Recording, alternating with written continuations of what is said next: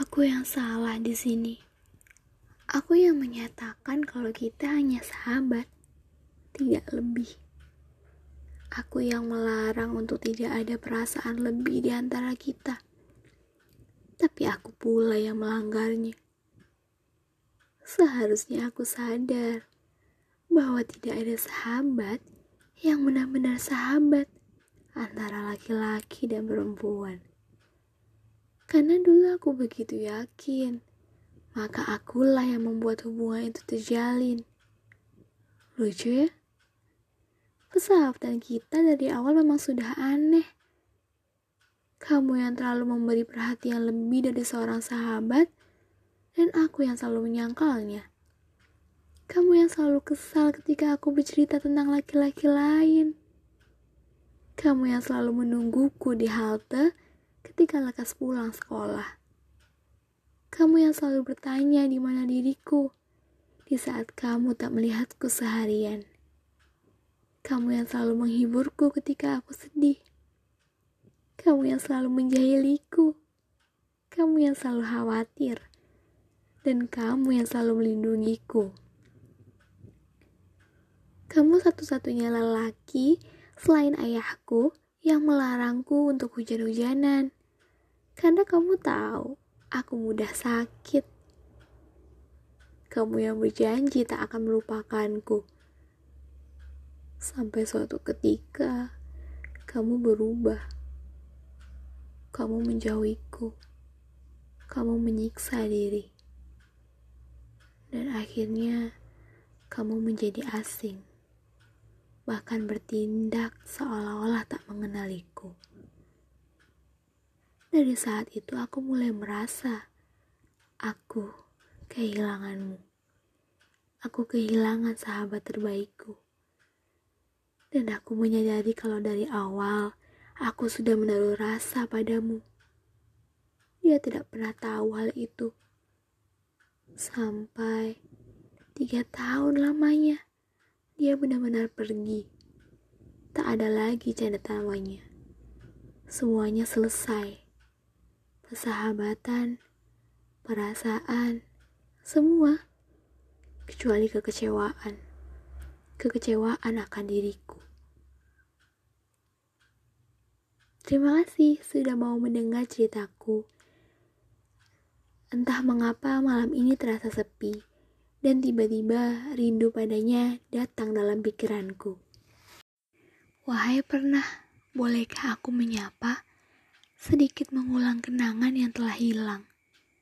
Aku ingat ketika awan membentuk bayangan, menceritakan sebuah kisah yang terlewat tanpa terlupa. Pernah kita tertawa bersama, berbincang bahagia, meskipun sekedar menyapa, tapi mampu membuatku terlena. Pernah kita bertengkar hebat, sebab kerikil memanggil pasir. Tak penting, kecil. Tapi entah mengapa terasa deras mengalir. Pernah kita saling bercerita tentang suka, luka, duka, pahit, hingga jenaka. Di bibir kota kala itu, ketika matahari dan mendung masih saling mendukung. Pernah aku begitu menggebu pada rasa yang tak pernah berpihak padaku. Meski tak mungkin aku enggan berpaling, menentang akan waktu, merindu meski tak mampu. Lalu saat itu, ketika segalanya tak lagi terbendung, ketika api melahap rindu, Aku menerobos lajur jalan cerita. Lalu sang awan menjadi hitam. Tak mampu mempertahankan gambar. Mendungan tak tertahan. Tertumpah, turun dengan indah. Saat itu, aku pun berterima kasih pada pernah. Terima kasih pernah mengizinkanku bahagia di tengah-tengah luka.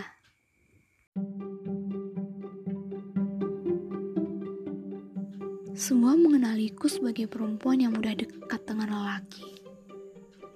Mereka bahkan sering iri kepadaku. Selalu berkata bahwa hidupku selalu bahagia. Tapi nyatanya tidak. Itu semua tidak benar. Tidak ada satu lelaki yang menyukaiku. Dan tidak ada satupun lelaki yang aku suka memiliki perasaan yang sama denganku. Setiap kalinya aku jatuh cinta, pasti berujung pahit. Kalau tidak ya pasti terjebak friendzone. Mereka yang akrab denganku hanya menjadikanku pelampiasan mereka saja. Bahkan mereka menceritakan perempuan yang mereka suka kepada aku. Apa hal seperti itu yang diinginkan para perempuan di sana yang selalu iri kepadaku? Aku tak ingin semua itu. Aku tak ingin hanya dijadikan tempat curhatan saja. Ya sejujurnya aku ikhlas. Aku suka mereka curhat kepadaku. Tapi bagaimana dengan perasaanku? Aku juga ingin mereka bercerita tentangku.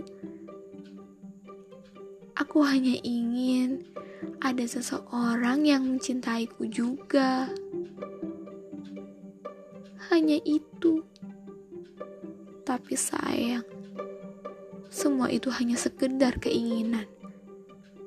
Dan sampai sekarang, belum menjadi sebuah kenyataan. Aku harap suatu saat nanti ada seseorang yang mencintaiku juga dan bisa menerimaku apa adanya.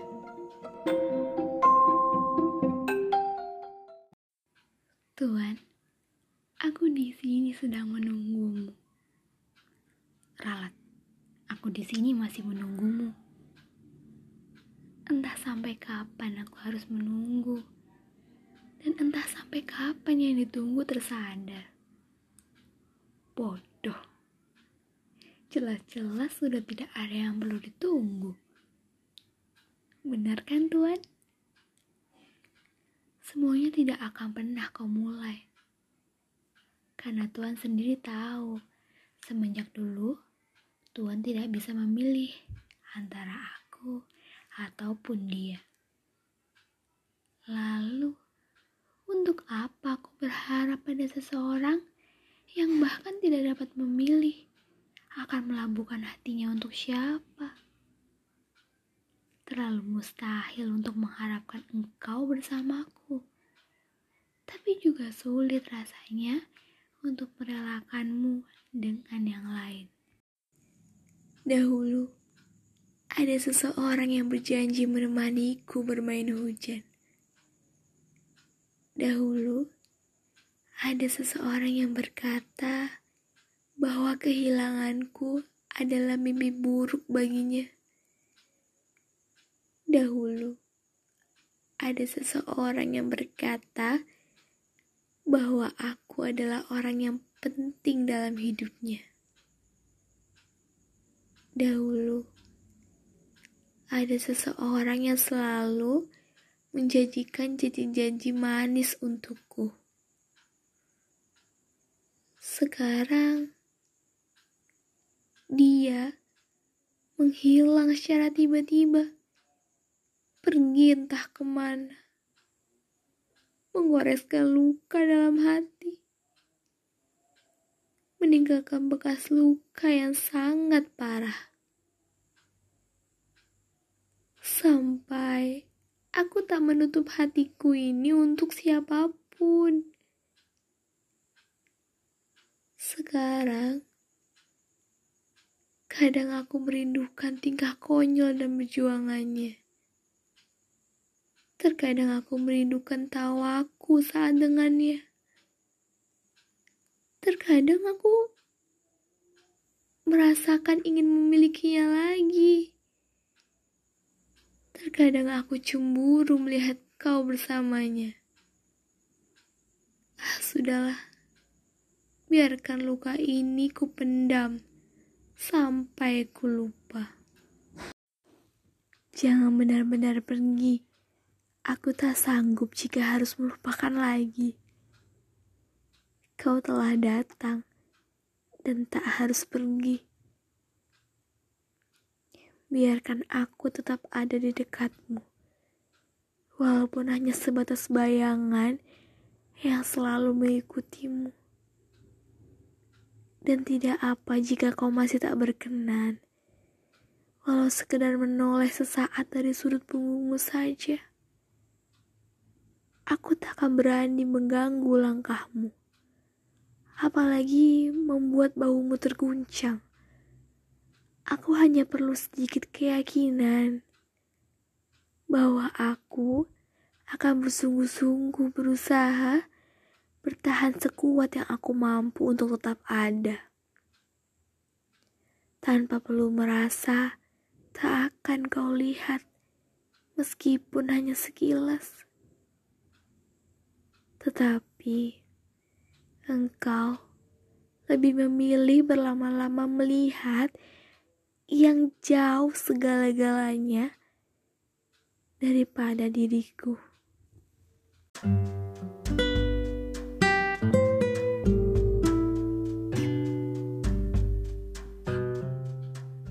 Aku memang belum mengenalmu secara sempurna. Tapi entah kenapa Rasa sayang dan percaya ini tumbuh begitu cepat. Sejak mengenalmu, aku terlalu rapuh untuk menjalani hariku tanpamu. Aku mulai tahu betapa artinya sebuah hubungan yang terpisah oleh jarak dan waktu. Begitu susah bukan menjalani semua ini? Sudahlah hanya rasa rindu yang selalu menginginkan untuk kita bertemu. Sejak mengenalmu, air mata ini seakan menjadi teman yang selalu ada di saat rindu itu membungkam rasa ini. Sakit, begitu yang kurasakan. Jarak benar-benar menyiksa saat hari di mana kita bertemu, mungkin tak ada terucap satu kata pun selain rindu yang menyiksa. Tapi tak dapat kupungkiri, sebelum aku mengenalmu, semua terasa biasa saja. Namun, setelah mengenalmu, semua terasa sangat istimewa. Aku bersyukur dapat mengenalmu.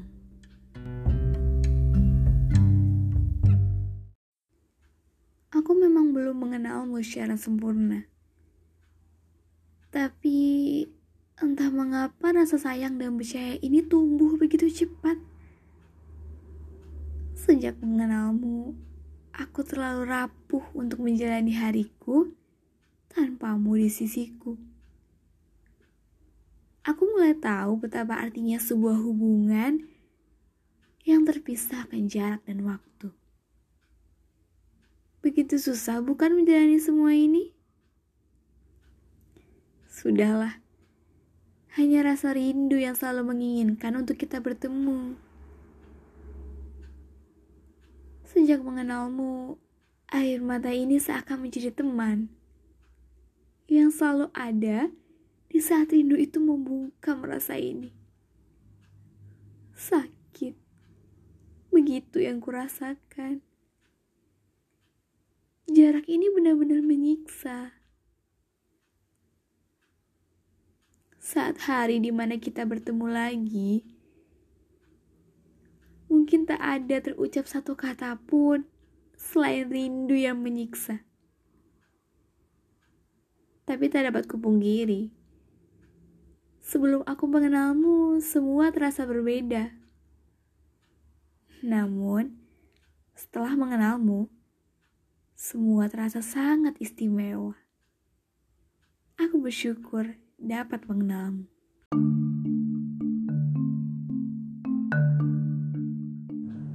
Allah Subhanahu wa taala menurunkan makhluknya yang tak dapat dilihat mata karena terlalu kecil bernama Corona di awal November di sebuah negeri yang tak mengenalnya. kelumpuhan.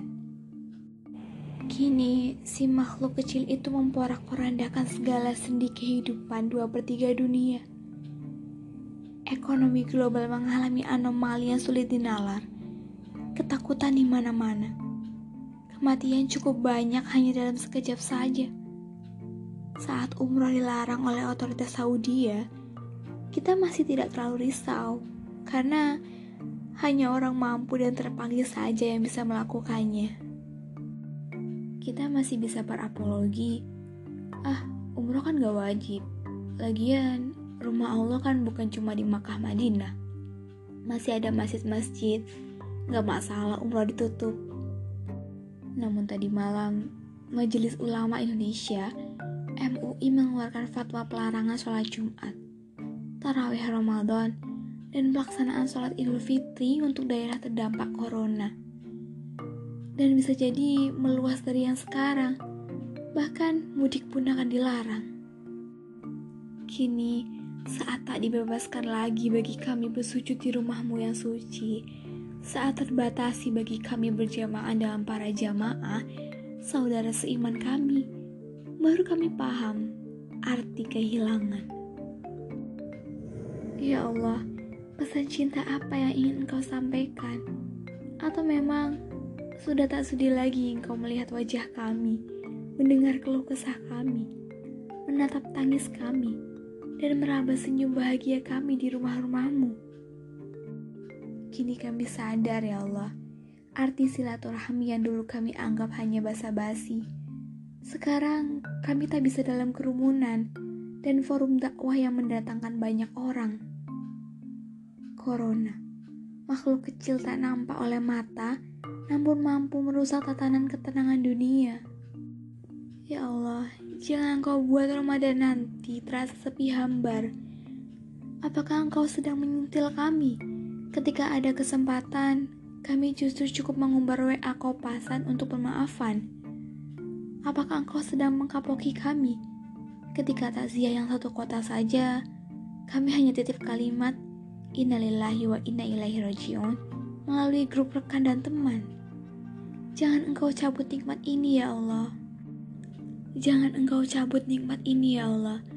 Karena kini kami akhirnya benar-benar hanya bisa bertemu dalam tegur WA atau kalimat telepon dan pesan. Engkau menuruti kami ya Allah. Menuruti pengabdian kami yang kami ciptakan sendiri sebelum-sebelum ini. Maafkan kami ya Allah. Masihkah ada kesempatan lagi? Bukankah maha pengasihmu melebihi murkamu pada kami. Hidupnya makhluk kecil corona ini adalah semata-mata atas kehendakmu. Engkau yang menghidupkan dan engkau pula yang mematikan segalanya.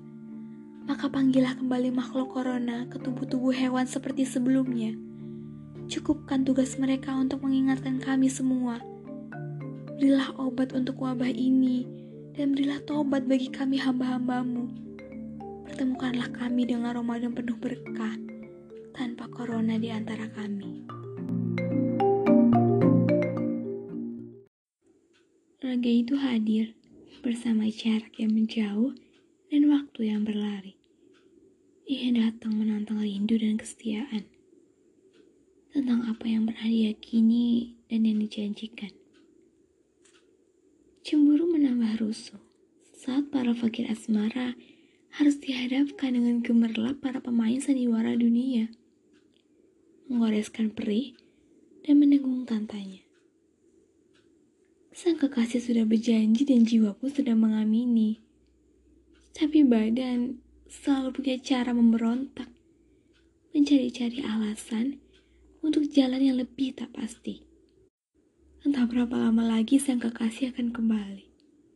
Meredakan badai yang meluluhlantahkan logika, menyudahi penantian dan mengusir kegundahan yang membekukan. Aku sadar ketidaknyamanan itu sahabat terbaik bagi kesatria yang akan tertulis mesra dalam lembar-lembar kisah. Bahwa hidup ini adalah pengorbanan, pilihan dalam tiap detik-detiknya. Pembuktian bahwa aku adalah yang paling pantas untukmu yang paling mencintaimu. Belajar bahwa pemuja cinta itu terbagi dua, yaitu mereka yang meratapi cintanya, lalu menjadikan itu sebagai topeng atas kelemahan dirinya, ketumpulan asanya. Dan yang kedua, mereka yang bisa menundukkan ragu, cemburu, untuk bisa berdamai dengan rindu dan yakin, mengikat mereka dalam temali ketaatan. Itu aku. Sebelum aku mati, engkau akan melihat itu. Aku sadar, ketidaknyamanan itu sahabat terbaik bagi perubahan bahwa ketidakidealan itu ibarat katalis bagi kesatria yang akan tertulis mesra dalam lembar-lembar kisah. Beberapa orang itu benar-benar dilanda gemas-gemas sesal. Bagaimana tidak, kedatangan mereka ke Madinah hanya berselang beberapa hari dari wafatnya Rasulullah Shallallahu Alaihi Wasallam. Duhai ruginya, jeris hati mereka.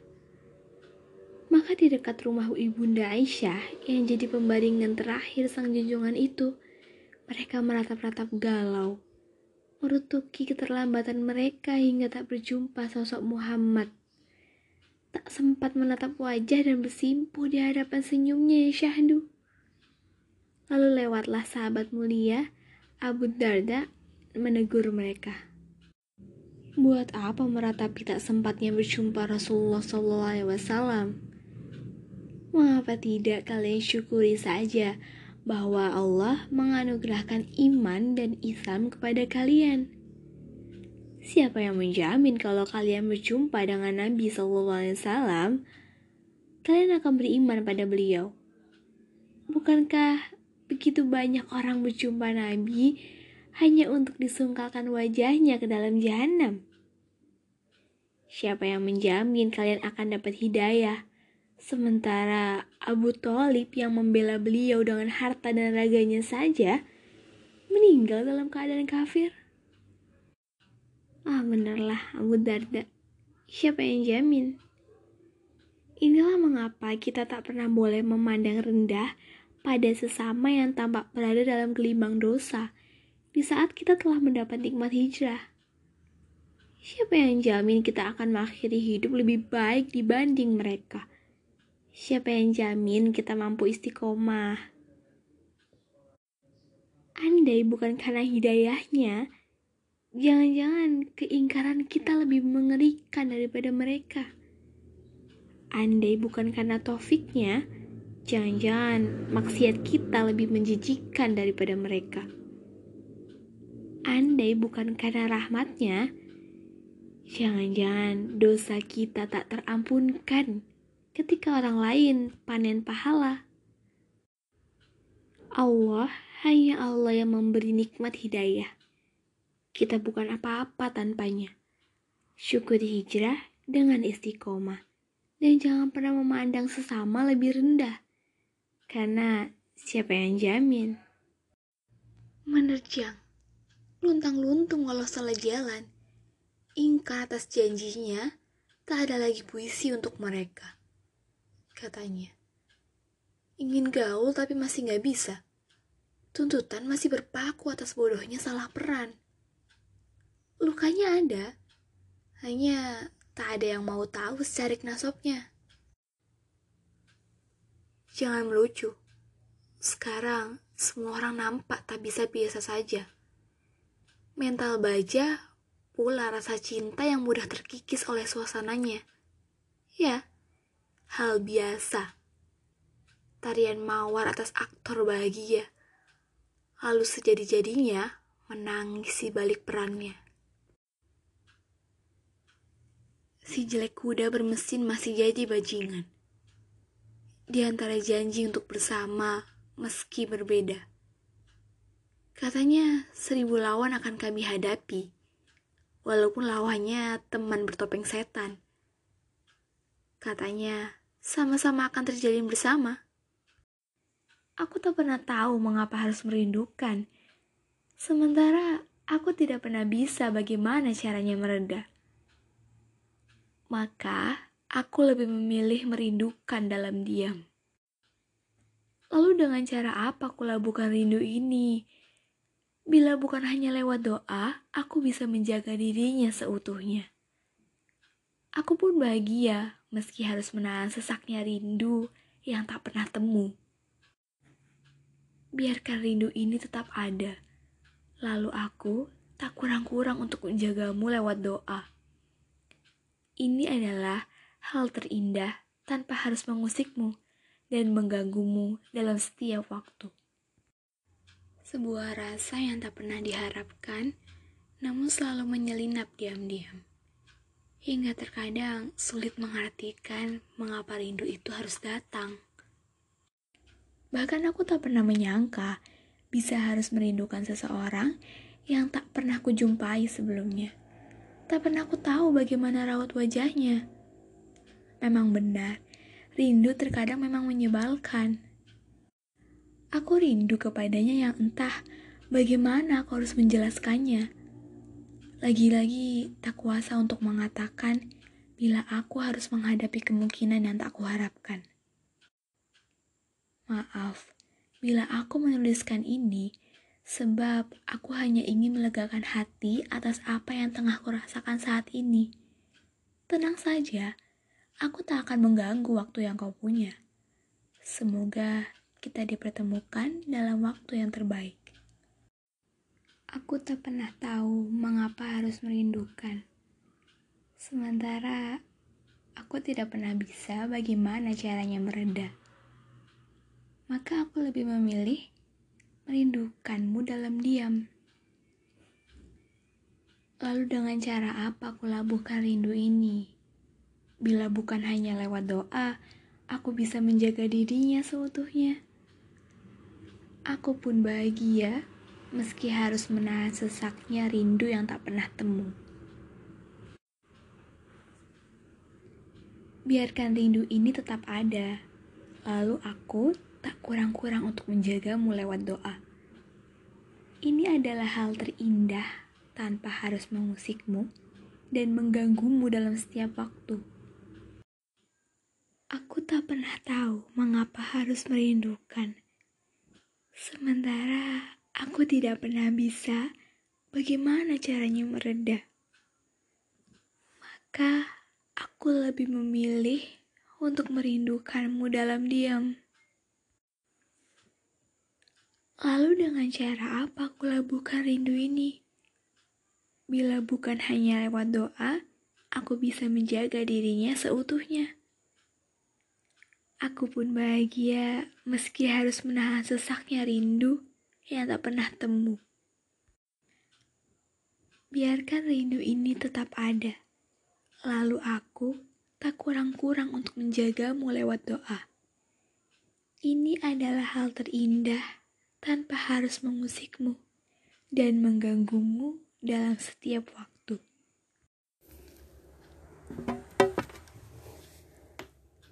tentang rasa yang tumbuh tanpa terpaksa, di mana ia hadir sejak pertama kali kita berjumpa. Andai rasa ini bisa kuutarakan, mungkin saat ini kita memiliki sebuah ikatan.